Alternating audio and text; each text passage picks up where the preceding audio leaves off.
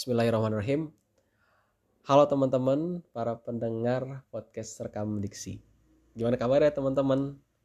Gue udah lama nih gak uh, ngobrol atau menyapa teman-teman di podcast ini. Semoga teman-teman yang mendengarkan ini uh, dalam keadaan yang sehat ya. Amin amin Allahumma amin. Oke teman-teman, gue tadi kepikiran mau bikin podcast lagi. Nggak tahu lagi ada niatan banget bikin podcast ya udah lama juga kan nggak bikin podcast gitu. Ya ini udah lama kepikiran untuk bahas ini yaitu tentang quarter life crisis. Ya ini relate banget bagi gue dan mungkin sebagian teman-teman gue yang berumur 20 tahunan ke atas. Ya ini adalah fase uh, di salah satu atau salah satu fase di kehidupan kita yang bisa dikatakan berat gitu ya. Kenapa? Karena kita diuji banyak hal. Entah itu tentang pekerjaan entah itu tentang keluarga entah itu tentang pendidikan dan banyak hal gitu ya. Ya uh, dan gue merasakan hal itu gitu. Tentang pekerjaan tentang keluarga dan banyak hal.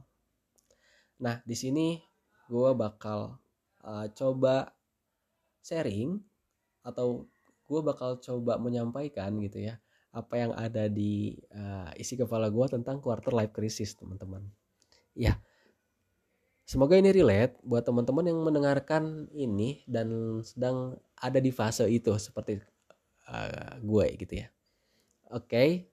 uh, gue di sini bakal coba ngebahas uh, ini dengan perumpamaan atau pengibaratan teman-teman yang kepikiran gitu aja sama gue gitu oke. Okay. ya uh, di fase quarter life crisis ini uh, menurut gue setiap individu setiap siap setiap individu itu berbeda dari uh, prosesnya dari waktu dan juga dari jalur. Apa sih itu? Mungkin ya teman-teman pasti bertanya gitu. Oke kita bahas satu persatu teman-teman Oke, gue bakal coba ngasih uh, perumpamaan mengenai proses dulu gitu nih. Simpelnya kayak gini teman-teman. Uh, 5 tambah 5 hasilnya berapa? 10 kan? 7 tambah 3 hasilnya 10 juga. 8 tambah 2 hasilnya 10 juga. Nah dari sini kita bisa mengambil makna gitu. Bahwa ya proses setiap orang itu berbeda ya walaupun tujuan akhirnya tetap sama gitu. Ya hasilnya tetap 10-10 juga cuman prosesnya yang membedakan itu gitu. Oke itu yang pertama teman-teman. Dan tentang jalur dan uh, jalur dan waktu. Nah ini berkaitan menurut gue di perumpamaan ini. Seperti ini teman-teman. Uh, misal kita mau berangkat nih dari Bogor gitu ya. Dari Bogor ke Bandung. Kan kalau kita mau menuju Bandung dari Bogor itu ada dua ada ada dua jalur gitu ya. Ada jalur lewat tol lewat Cipularang Purbalunyi. Terus ada juga jalur lewat puncak. Lewat puncak. Nah dari dua jalur ini gitu ini uh, bisa menandakan bahwa uh, jalur atau waktu setiap orang itu berbeda. Gitu ketika kita lewat Cipularang atau kita lewat tol pasti itu lebih cepat. Pasti hambatannya lebih sedikit ya teman-teman dibandingkan lewat puncak. Dan lewat puncak pasti lebih lama waktunya. Ya gue pernah uh, gue tiga bulan yang lalu emang dari Bogor ke Bandung lewat jalur puncak naik motor. Dan itu emang lama teman-teman. Pegal juga kerasa punggung gitu ya. Ya dibandingkan lewat Cipularang yang lebih cepat ya lebih enak tambah hambatan ya yaitu lewat jalan tol juga gitu. Nah dari situ kita bisa mengambil hikmah atau kita bisa mengambil makna bahwa jalur waktu setiap orang itu berbeda-beda tergantung takdir Allah yang menentukan. Dan pasti Allah udah tahu banget nih kadar atau uh, kualifikasi lah ya namanya lah. Kualifikasi setiap manusia untuk ditempatkan di jalur mana nih gitu manusia itu? Atau individu ini ditempatkan di jalur mana? Apakah di jalur yang cepat atau di jalur lebih lambat gitu?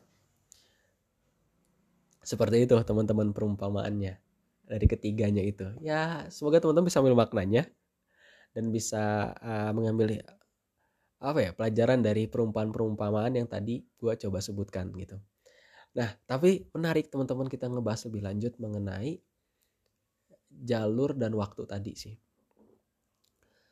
Ya gue ya tadi saya sebutkan di tiga bulan lalu gue dari Bogor ke Bandung gitu ya, naik motor lewat jalur puncak.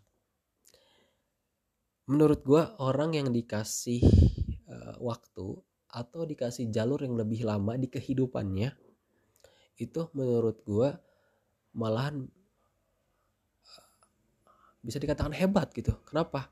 Karena ya uh, pasti mentalnya udah kebentuk gitu. Pasti pelajaran-pelajaran hidup yang didapatkan didapatkannya lebih banyak gitu. Ya gue mengalaminya sendiri gitu. Lewat jalur puncak gue uh, banyak berhenti di pemberhentian yang gue dipertemukan dengan orang baru tempat baru dan pengalaman baru dari setiap orang yang gue temui gitu. Ya gue banyak berhentinya gitu ya karena ya capek juga gitu bawa motor sendirian dari Bogor ke Bandung ke uh, setiap berhenti ya sholat setiap sholat setiap azan gue selalu mampir di masjid atau gue mampir juga makan di ya di pinggiran jalan gitu lah ya. gue ketemu sama orang baru gue ngobrol di situ ya selalu ada aja gitu pelajaran yang didapat di perjalanan juga ada kejadian-kejadian yang ya nggak diprediksi sama gue dan itu memberikan pelajaran bagi gue gitu. Ya dari perjalanan itu menurut gue ya uh, ketika kita diberikan perjalanan yang panjang diberikan lika-liku yang lebih banyak diberikan cobaan yang lebih panjang itu bagi gue ya harus kita syukuri. Kenapa? Karena ya kita dianugerahkan untuk mendapatkan itu yang orang lain gak dapat. Dan kita harus bersyukur tentang itu dan ya kita harus mencari hal positif atau mencari pelajaran dari perjalanan panjang itu lika-liku yang banyak itu cobaan yang besar itu gitu. Ya kayak gitu teman-teman. Jadi untuk teman-teman yang mungkin sedang di fase quarter life crisis dan sedang di fase ada di perjalanan yang panjang nih teman-teman. Entah itu tentang pekerjaan ah, entah itu tentang pendidikan teman-teman. Entah itu tentang keluarga teman-teman. Ya teman-teman harus mencari hikmahnya. Teman-teman harus mencari maknanya dari setiap perjalanan yang teman-teman tempuh itu. Kayak gitu teman-teman.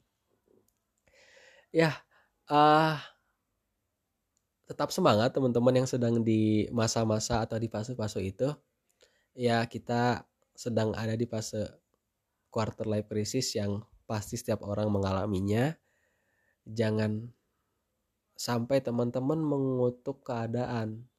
Jangan jangan jangan sampai teman-teman membenci keadaan gitu ya teman-teman. Uh, jalani teman-teman dan terus positifkan pikiran aja gitu. Bahwa ya suatu saat gue bakal sampai tujuan yang gue gua pengen itu gitu.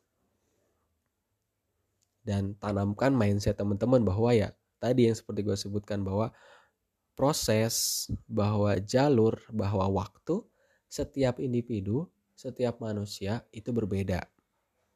Walaupun pada akhirnya tujuannya tetap sama kayak gitu. Ya itu aja teman-teman. Semangat yang sedang di fase quarter life crisis. Jangan nyerah ya teman-teman. Tetap semangat. Ya insya Allah ketika teman-teman semangat ketika teman-teman selalu melangitkan doa kepada yang maha kuasa ya gue yakin 100% Allah akan ngebantu. Gitu ya teman-teman. Oke. Ya itu aja ngebahas tentang quarter life crisis. Ya cuman bentar sih tapi semoga uh, ini bisa uh, ada pelajarannya yang bisa teman-teman dapat ada maknanya yang bisa teman-teman ambil ada pelajarannya yang bisa teman-teman terapkan di kehidupan teman-teman atau di fase quarter life crisis yang sedang teman-teman alami. Oke. Okay. oh iya uh, kerasa banget ya kita udah hamin 14 nih hari ini tepat Hamin 14 menuju bulan suci Ramadan teman-teman. Udah mempersiapkan apa aja nih? Ya teman-teman uh, bulan suci Ramadan adalah bulan yang pasti ditunggu-tunggu ya teman-teman. Ya bulan pengampunan bulan yang penuh rahmat jadi ya teman-teman persiapkan dengan baik untuk menghadapi bulan puasa. Persiapkan fisik teman-teman persiapkan mental teman-teman persiapkan ilmu agama teman-teman gitu ya.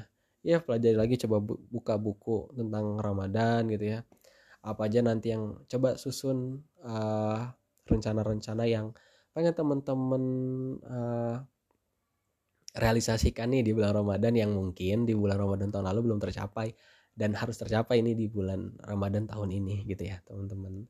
Ya uh, di Hamin 14 Ramadan ini uh, semoga kita bisa dipertemukan di bulan Ramadan tahun ini ya teman-teman. Kita nggak ada yang tahu empat uh, dua minggu ke depan kita bakal gimana tapi teman-teman uh, gue doakan dan teman-teman juga doakan gue semoga kita bisa sampai di bulan Ramadan dan kita bisa merasakan uh, vibes atau feelsnya bulan Ramadan yang masya Allah banget itu yang yang ya, ya beda aja dari bulan lainnya gitu ya teman-teman ya. Ya pasti setiap orang ngerasain kayak gitu sih ya.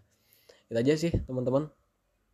Uh, oh ya mungkin gue mau bilang ini sih apa? Uh, maaf kalau misalkan gue um, ada salah-salah kata gitu ya selama di podcast ini dan podcast podcast sebelumnya ya mau dimaafkan aja kalau misalkan ada yang salah atau ada yang kurang gitu ya. Ya semoga gue bisa memperbaiki uh, kesalahan-kesalahan gue yang ya emang manusia nggak ada yang sempurna sih tapi ya gue bakal terus mencoba memperbaiki diri kayak gitu ya. Itu aja sih teman-teman. Terima kasih yang telah mendengarkan. Senang banget hari ini bisa uh, ngobrol lagi di podcast ini. Semoga uh, kesenangan yang gue rasa juga bisa menular ke teman-teman yang sedang mendengarkan sekarang kayak gitu ya. Oke uh, itu aja teman-teman. Uh, terima kasih yang telah mendengarkan. Semoga gue bisa bikin uh, podcast lagi di beberapa waktu ke depan kayak gitu ya. Uh, oke terima kasih. Uh, barakallah fikum ya teman-teman. Wassalamualaikum warahmatullahi wabarakatuh